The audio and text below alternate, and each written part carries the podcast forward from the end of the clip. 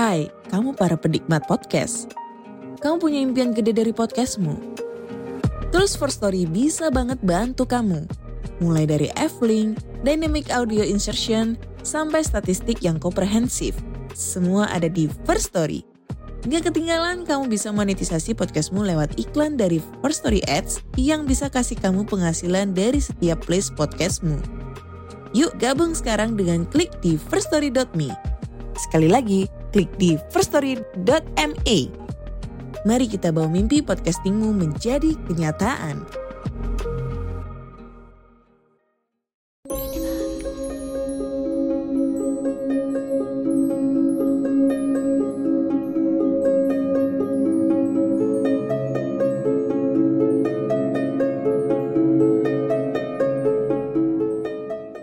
Selamat datang dan selamat malam, saya Denny Narto dari Rumah Horor Indonesia dan Cerita Tengah Malam. Nyambut kalian buat mendengarkan cerita horor di malam hari ini. Dan sebelumnya, dukung kita ya dengan subscribe di channel Rumah Horor Indonesia dan Cerita Tengah Malam. Dan bisa juga dengan follow kita di Spotify di podcast Rumah Horor Indonesia. Dan terima kasih juga buat kalian yang sudah subscribe, share, like, dan juga komentar di channel-channel kami Cerita kita untuk malam hari ini saya bacakan dari akun Cerita Arwah dengan judul Villa Angker Puncak. Suami Mbak Gita yang sebut saja namanya Mas Sigit adalah seorang driver ojol yang supel dan ramah. Ia aktif mengikuti kegiatan sosial seputar komunitas ojolnya untuk menambah pertemanan dan persaudaraan di antara para pengemudi ojol lainnya.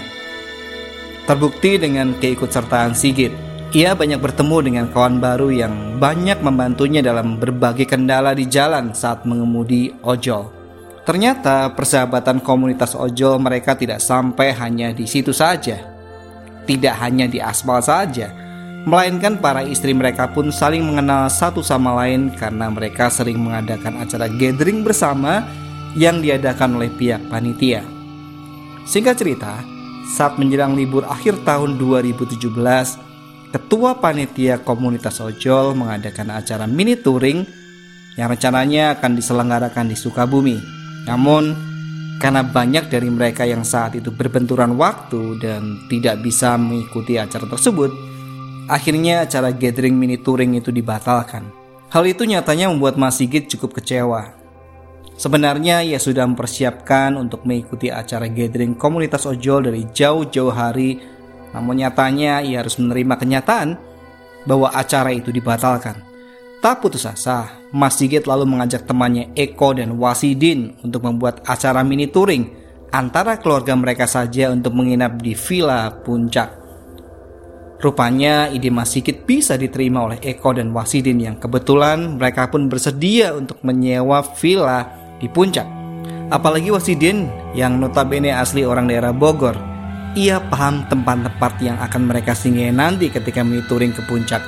Berikut penginapan murah namun bisa untuk menampung sekaligus tiga keluarga.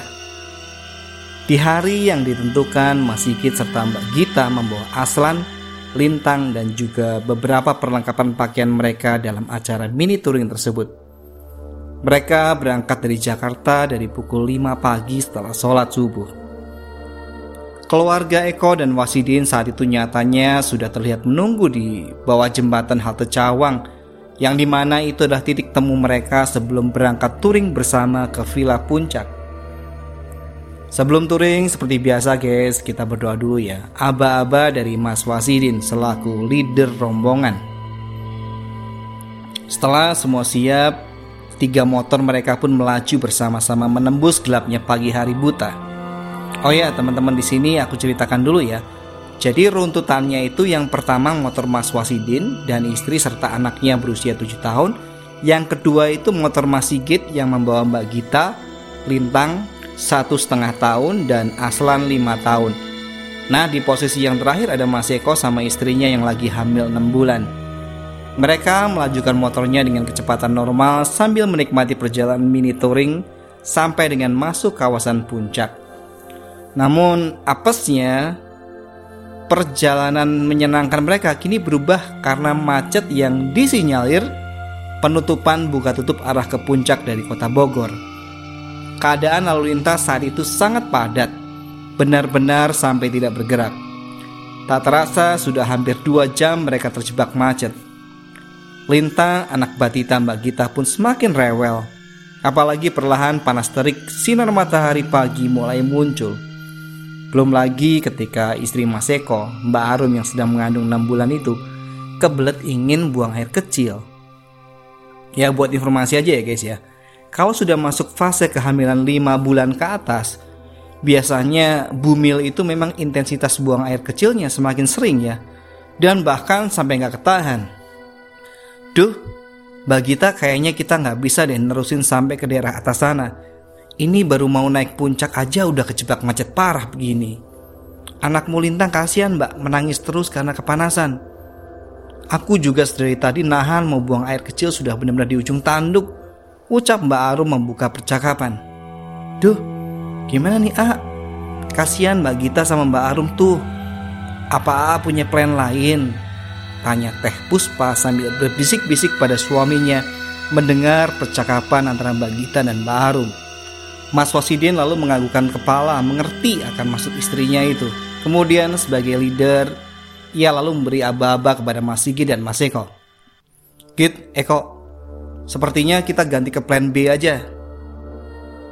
Tadinya aku mau ajak kalian menginap di Villa Puncak dekat Bukit Bintang. Tapi karena keadaan darurat begini, kita cari penginapan lain saja deh, ucap Mas Wasidin. Ya, kita sih ikut Kang Idin aja. Kan Kang Idin yang lebih paham daerah Bogor.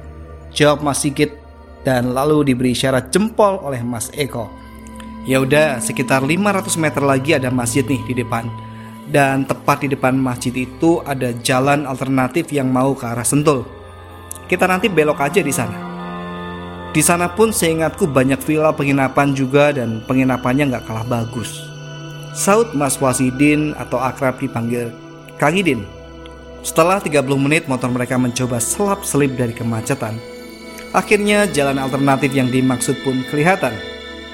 Mas Wasidin lalu melambaikan tangan kirinya sebagai tanda inilah jalan yang dimaksud, agar dua temannya itu tidak sampai salah jalan. Beruntung saja jalan alternatif yang dipilih oleh Mas Fasidin itu nyatanya banyak orang yang belum tahu. Mereka pun kembali menikmati perjalanannya. Walaupun kondisi jalan alternatif tersebut agak rusak, sempit, dan juga berkelok-kelok. Tak lama kemudian, kepenatan mereka selama di perjalanan pun dibayar dengan pemandangan hamparan kebun teh di sisi kiri jalan yang benar-benar memanjakan mata. Sepanjang jalan tersebut nampak jarang terlihat ada rumah-rumah warga, hanya saja ada terlihat beberapa bangunan-bangunan rumah tingkat yang disewakan sebagai villa. Mas Fasidin, sang leader beberapa kali terlihat turun dari motornya untuk menanyakan berapa harga sewa villa tersebut. 2 juta kang harga sewanya. Soalnya ada kolam renang di dalamnya. Mas Fasidin mencoba menego si penjaga villa tersebut namun ia masih bersikeras sehingga Mas Fasidin kembali memberi aba-aba untuk melanjutkan kembali perjalanan untuk mencari villa yang untuk mencari villa yang sesuai dengan budget yang mereka miliki. Sebenarnya Wasidin sendiri tidak tahu apakah selain dari villa tujuan utamanya itu entah masih adakah villa lain yang bisa menampung keluarga mereka sesuai dengan budgetnya. Pertanyaan itu terus muncul di benak Mas Fasidin setelah mencoba hampir menyinggahi lima villa yang ada di sana, dari kelima villa tersebut rata-rata mereka memasang tarif 1,8 sampai 2,5 juta rupiah. Ada juga penginapan semacam hostel dengan harga per kamar 450 ribu sehari. Tapi menurut Mas Eko dan Mas Sigit mereka keberatan jika mereka tinggal di penginapan seperti hostel. Ah nggak seru dong Kang Idin kalau jauh-jauh ke puncak cuma nginep di hostel kayak gini. Mana mahal lagi? Kan kita rencananya mau nginep di villa, Kang. Pas nanti malam tahun baru kita bisa menikmati bakar-bakaran jagung sambil melihat kembang api, ucap Mas Sigit.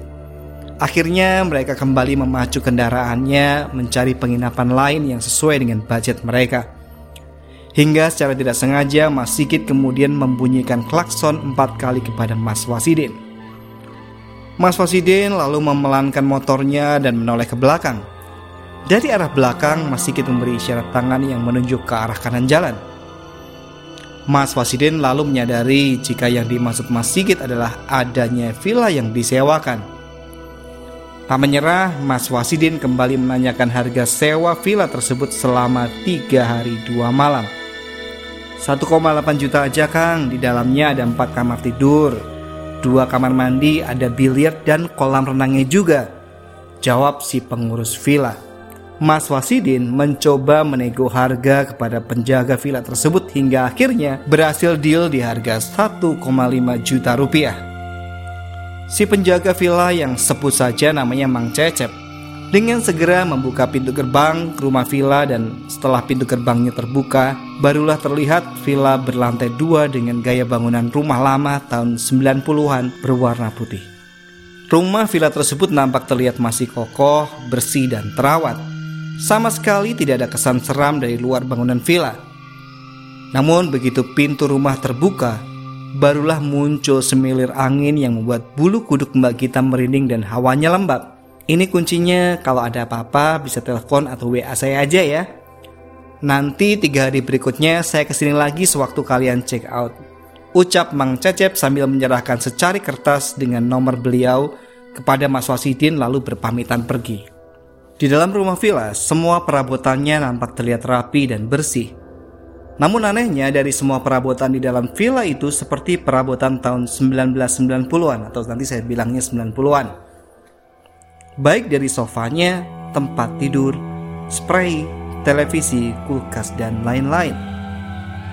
Setelah mata Mbak Gita asik bergerilya mengamati isi dalam rumah villa tersebut, dan tiba-tiba ia merasa seperti tertarik untuk melihat ke arah bagian belakang villa yang mana ada sebuah kolam renangnya Bagita lalu duduk-duduk di pinggir kolam renang sambil sesekali tangannya memainkan air kolam renang tersebut. Entah mengapa tiba-tiba ia dengan jelas mendengar suara Aslan yang berteriak, "Mama, tolong! Mama, tolong!" Bagita lalu terhenyak dan bangkit berdiri. Ia memastikan apakah benar itu adalah suara Aslan anaknya. Bagita kini kaget bukan main setelah melihat di tengah kolam renang sudah ada Aslan anak laki-lakinya yang tenggelam. Aslan, Aslan, astagfirullah, ya Allah tolong. Mas, Aslan tenggelam di kolam renang. Teriak Mbak Gita masuk ke dalam rumah untuk mencari pertolongan. Jadi menurut pengakuan Mbak Gita, ia juga nggak bisa berenang ya guys. Makanya langsung berlari mencari pertolongan saat melihat anaknya tiba-tiba tenggelam. Mama kenapa? Kok panggil-panggil Aslan? Tanya polos anaknya itu yang baru saja turun dari lantai dua.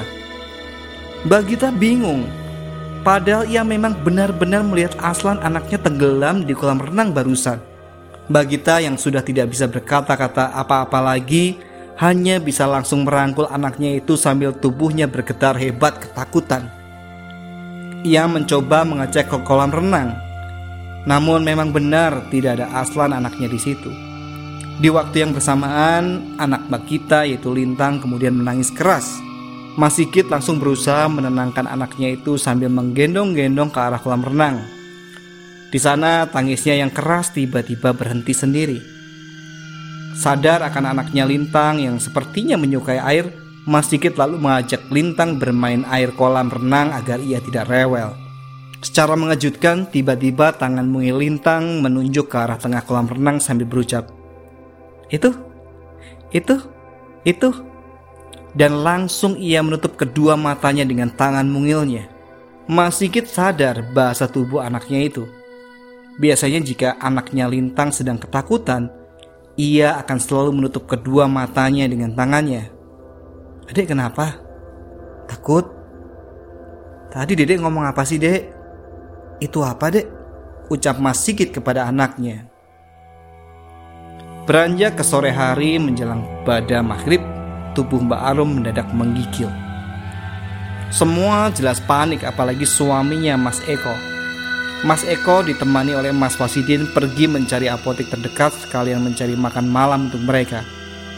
Sedangkan Mas Sigit diam di rumah mengasuh anaknya Lintang yang ternyata masih saja rewel menangis dan terus menangis di kamar lantai dua. Teh Puspa serta Mbak Gita ikut menemani Mbak Arum yang sedang sakit di kamar lantai satu. Sehingga mereka lupa jika ada Aslan 5 tahun dan juga Timo 7 tahun anaknya Mas Fasidin. Yang sebelumnya mereka sedang asyik bermain sendiri di ruang tengah sambil menonton televisi. Prang. Tiba-tiba terdengar suara piring pecah dari luar. Sontak saja, Teh Puspa dan Mbak Gita langsung keluar kamar untuk melihat apa yang terjadi. Mereka kaget melihat Timo ini sudah nangis dengan kepala berdarah, sedangkan Aslan tidak ada di sana. Teh Puspa lalu memeluk Timo dan juga langsung mengobati luka di dahi Timo. Sedangkan Mbak Gita sibuk mencari anaknya Aslan Mbak Gita terus-menerus berteriak memanggil Aslan, namun ia tidak menjawab panggilan mamanya itu. Mbak Gita lalu berlari ke lantai dua untuk memanggil suaminya Mas Sigit untuk membantu mencari anaknya. Sampai akhirnya mereka bertemu dengan Aslan yang sedang berdiri mematung sambil menatap kosong ke arah pohon jamblang di luar rumah. Begitu Mas Fasidin dan Mas Eko kembali, mereka kaget dengan keadaan Timo yang masih terguncang. Mas Wasidin sendiri kesal dengan anak Mas Sikit dan Mbak Gita yang dianggap sudah keterlaluan bercandanya sehingga ia memukul kepala Timo dengan piring sampai berdarah-darah. Sudahlah, kita pulang saja mah. Gak bener ini, mau liburan malah dapat musibah gini. Bentak Mas Wasidin kepada istrinya sambil mengemasi barangnya pulang. Mas Sikit sendiri dan Mbak Gita hanya bisa tertunduk menahan rasa malu dan bersalah akibat perbuatan anaknya. Padahal mereka yakin jika sebenarnya Aslan tidak pernah berbuat barbar seperti itu. Namun karena ada barang bukti, Aslan sudah tidak bisa mengelak lagi atas perbuatannya. Aku gak mukul Timo, mah. Aku gak mukul Timo. Ucapnya berkali-kali sambil menangis. Mas Eko sudah mencoba menjadi penengah antara mereka, namun karena Mas Fasidin sudah kadung emosi melihat keadaan anaknya yang terguncang, Mas Wasidin tetap memilih untuk kembali pulang ke Jakarta malam itu juga bersama dengan istri dan anaknya. Di perjalanan pulang, Timo yang sedari tadi hanya menangis dan merasa tertekan mulai membuka pembicaraan dengan ayah dan bundanya. Ayah, tadi sebelum Timo dipukul Aslan, Timo lihat ada pocong ayah. Pocong itu serem banget. Tapi nggak tahu kenapa pocong itu malah deketin Aslan dan tiba-tiba Aslan lari ambil piring ke dapur terus pukulin ke kepala Timo, ujar Timo. Mas Fasidin awalnya tidak percaya ucapan anaknya itu. Tapi setelah ia dan Teh Puspa pikir kembali, mungkin ada benarnya juga ucapan Timo. Tapi jika memang demikian, berarti bisa jadi tubuh Aslan sedang dikendalikan oleh sesuatu. Di sisi lain, setelah kejadian aneh tersebut, Aslan kini agak berperangai aneh ia hanya diam mematung, tidak bersuara, tidak mau makan, dan terkadang bisa tiba-tiba berlari-lari dan tertawa-tawa sendiri. Di tengah malam, Mas Eko suami Mbak Arum terbangun. Melihat istrinya sudah tidak ada lagi di sebelah tempat tidur. Dan keadaan pintu kamar yang terbuka membuat Mas Eko agak sedikit panik. Ia paham istrinya adalah tipe orang yang penakut Apalagi saat mau ke kamar mandi di malam hari, pasti ia akan meminta ditemani Mas Eko. Mas Eko lalu berjalan keluar ke arah kamar mandi, namun kamar mandi itu kosong. Saat Mas Eko mau berjalan ke arah lain, ia jelas mendengar suara istrinya berteriak. Mas Eko lalu berlari ke arah sumber suara yang rupanya dari bagian kolam renang rumah villa tersebut. Mas Eko lalu memeluk istrinya yang bergetar ketakutan dan membawanya masuk ke dalam. Ternyata akibat dari teriakan kencang Mbak Arum ikut membangunkan Mas dan Mbak Gita di lantai dua. Duh, ada apa ini? Tanya Mas Sigit keheranan yang melihat Mbak Arum sedang menangis di pelukan Mas Eko. Dengan nada yang bergetar, Mbak Arum menjelaskan, jika tadi saat ia sedang tidur, ia seperti terhipnotis oleh sesosok perempuan yang membangunkannya. Perempuan yang berambut panjang dan berkulit pucat itu lalu berjalan ke arah kolam renang villa. Dan setelah ia berhenti, ia membalikan tubuh dengan wajah yang benar-benar sangat menyeramkan. Layaknya wajah kuntilanak. Ya gambarannya cuma itu. Sontak saja hal itu membuat Mbak Arum ini menjerit ketakutan. Di saat yang sama kemudian handphone Mas Sigit berdering. Ia melihat di layar handphone Mas Wasidin menelponnya. Mas Sigit langsung menjawab telepon dari temannya itu. Dari seberang sana, terdengar suara Wasidin yang agak panik menanyakan keadaan mereka di villa tersebut. Mas Sigit lalu menceritakan jika barusan tadi kini giliran Mbak yang terkena teror dari villa tersebut karena ia ditambahkan sosok kuntilanak. Jawaban Mas Fasidin nyatanya di luar dugaan dan membuat agak panik Mas Sigit dan Mas Eko. Sebaiknya cepat kalian pergi dari villa itu. Itu adalah villa angker. Tadi anakku sudah menceritakan semuanya. Cepat kalian keluar saja, segera, ucap Mas Fasidin memberi peringatan. Mas Sigit lalu mencoba berdiskusi dengan Mas Eko tentang apa yang harus mereka lakukan malam itu. Dan diputuskanlah malam itu juga mereka langsung bergegas pulang meninggalkan villa. Keesokan harinya, Aslan anak Mbak Gita dan Mas Sigit kembali berperilaku aneh. Selain itu, Lintang pun masih saja rewel jika berada dekat kakaknya. Aslan sering menatap kosong dan berbicara, Antar aku pulang. Aku mau bersama bunda. Ini bukan rumahku, karena dirasa ada yang tidak beres, atas saran Mas Wasidin, Mas Sikit diajak bertemu dengan pamannya yang paham ilmu kebatinan. Baru juga mengucap Assalamualaikum. Paman Mas Wasidin tidak menjawab salam mereka dan malah berkata, Habis dari mana kamu Idin? Pulang bukannya bawa oleh-oleh malah bawa pocong kecil sini. Jawab Paman Wasidin ketus. Anak ini ditempelin sosok pocong. Tapi dari ukurannya terlihat masih anak-anak bawa anak ini kembali ke rumahnya. Nanti sosok pocong itu akan keluar dengan sendirinya. Sambung paman Mas Wasidin. Mas Sigit dan Mas Wasidin saling bertatapan. Mereka heran paman Wasidin ini kok bisa tahu mas kedatangan mereka. Padahal belum berbicara apa-apa. Mas Wasidin dan Mas Sigit di hari itu juga langsung bergegas membawa Aslan kembali ke villa tersebut.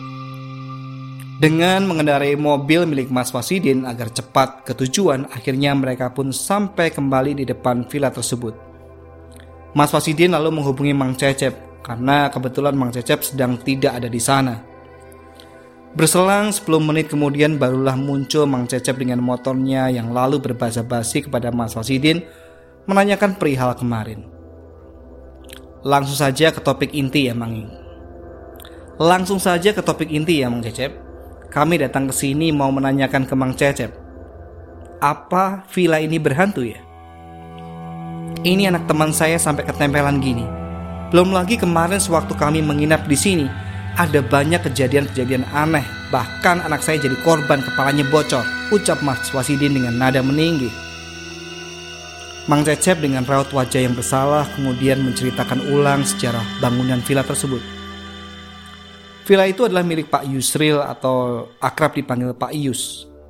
Pak Ius tadinya adalah pemilik kebun teh yang wilayahnya sampai berhektar-hektar. Selain memiliki kebun teh, Pak Ius juga memiliki usaha lain, yaitu memiliki pabrik penggilingan teh sendiri. Oleh karena sebuah peristiwa, si penjaga villa pun nggak tahu kenapa pastinya. Cuma desas-desus kabar yang beredar, Pak Ius terlilit hutang. Usaha pabrik milik Pak Ius ini dibekukan dan semua tanah perkebunan miliknya tersita oleh bank. Aset yang tersisa kini hanyalah rumah Pak Ius yang juga dalam proses penyitaan bank. Sedangkan kendaraan dan mobilnya sudah habis terjual. Dalam rasa putus asa, diam-diam istri Pak Ius dikabarkan mengikuti pesugihan untuk keluar dari kemelut dalam himpitan ekonomi mereka. Pada akhirnya rumah tersebut tidak jadi dilelang oleh pihak bank dan keadaan keuangan Pak Ius yang sebelumnya morat-marit kini kembali berjaya lagi. Namun namanya ikut dalam perjanjian setan, pastilah ada harga yang harus dibayar. Anak Pak Ius yang berumur 9 tahun ditemukan tewas tenggelam di kolam renang. Sang istri yang terguncang dengan kematian anaknya tak lama ikut ditemukan tewas menenggak racun di kamar lantai dua. Setelah dua kejadian naas tersebut, barulah diketahui istri Pak Ius ikut perjanjian iblis dari surat yang ia tulis. Pak Ius yang ketakutan akhirnya meninggalkan rumahnya begitu saja dan pergi entah ke mana. Sebelum Pak Ius pergi, ia memang sempat menitipkan pesan kepada Mang Cecep karyawan setianya untuk menjaga rumah tersebut.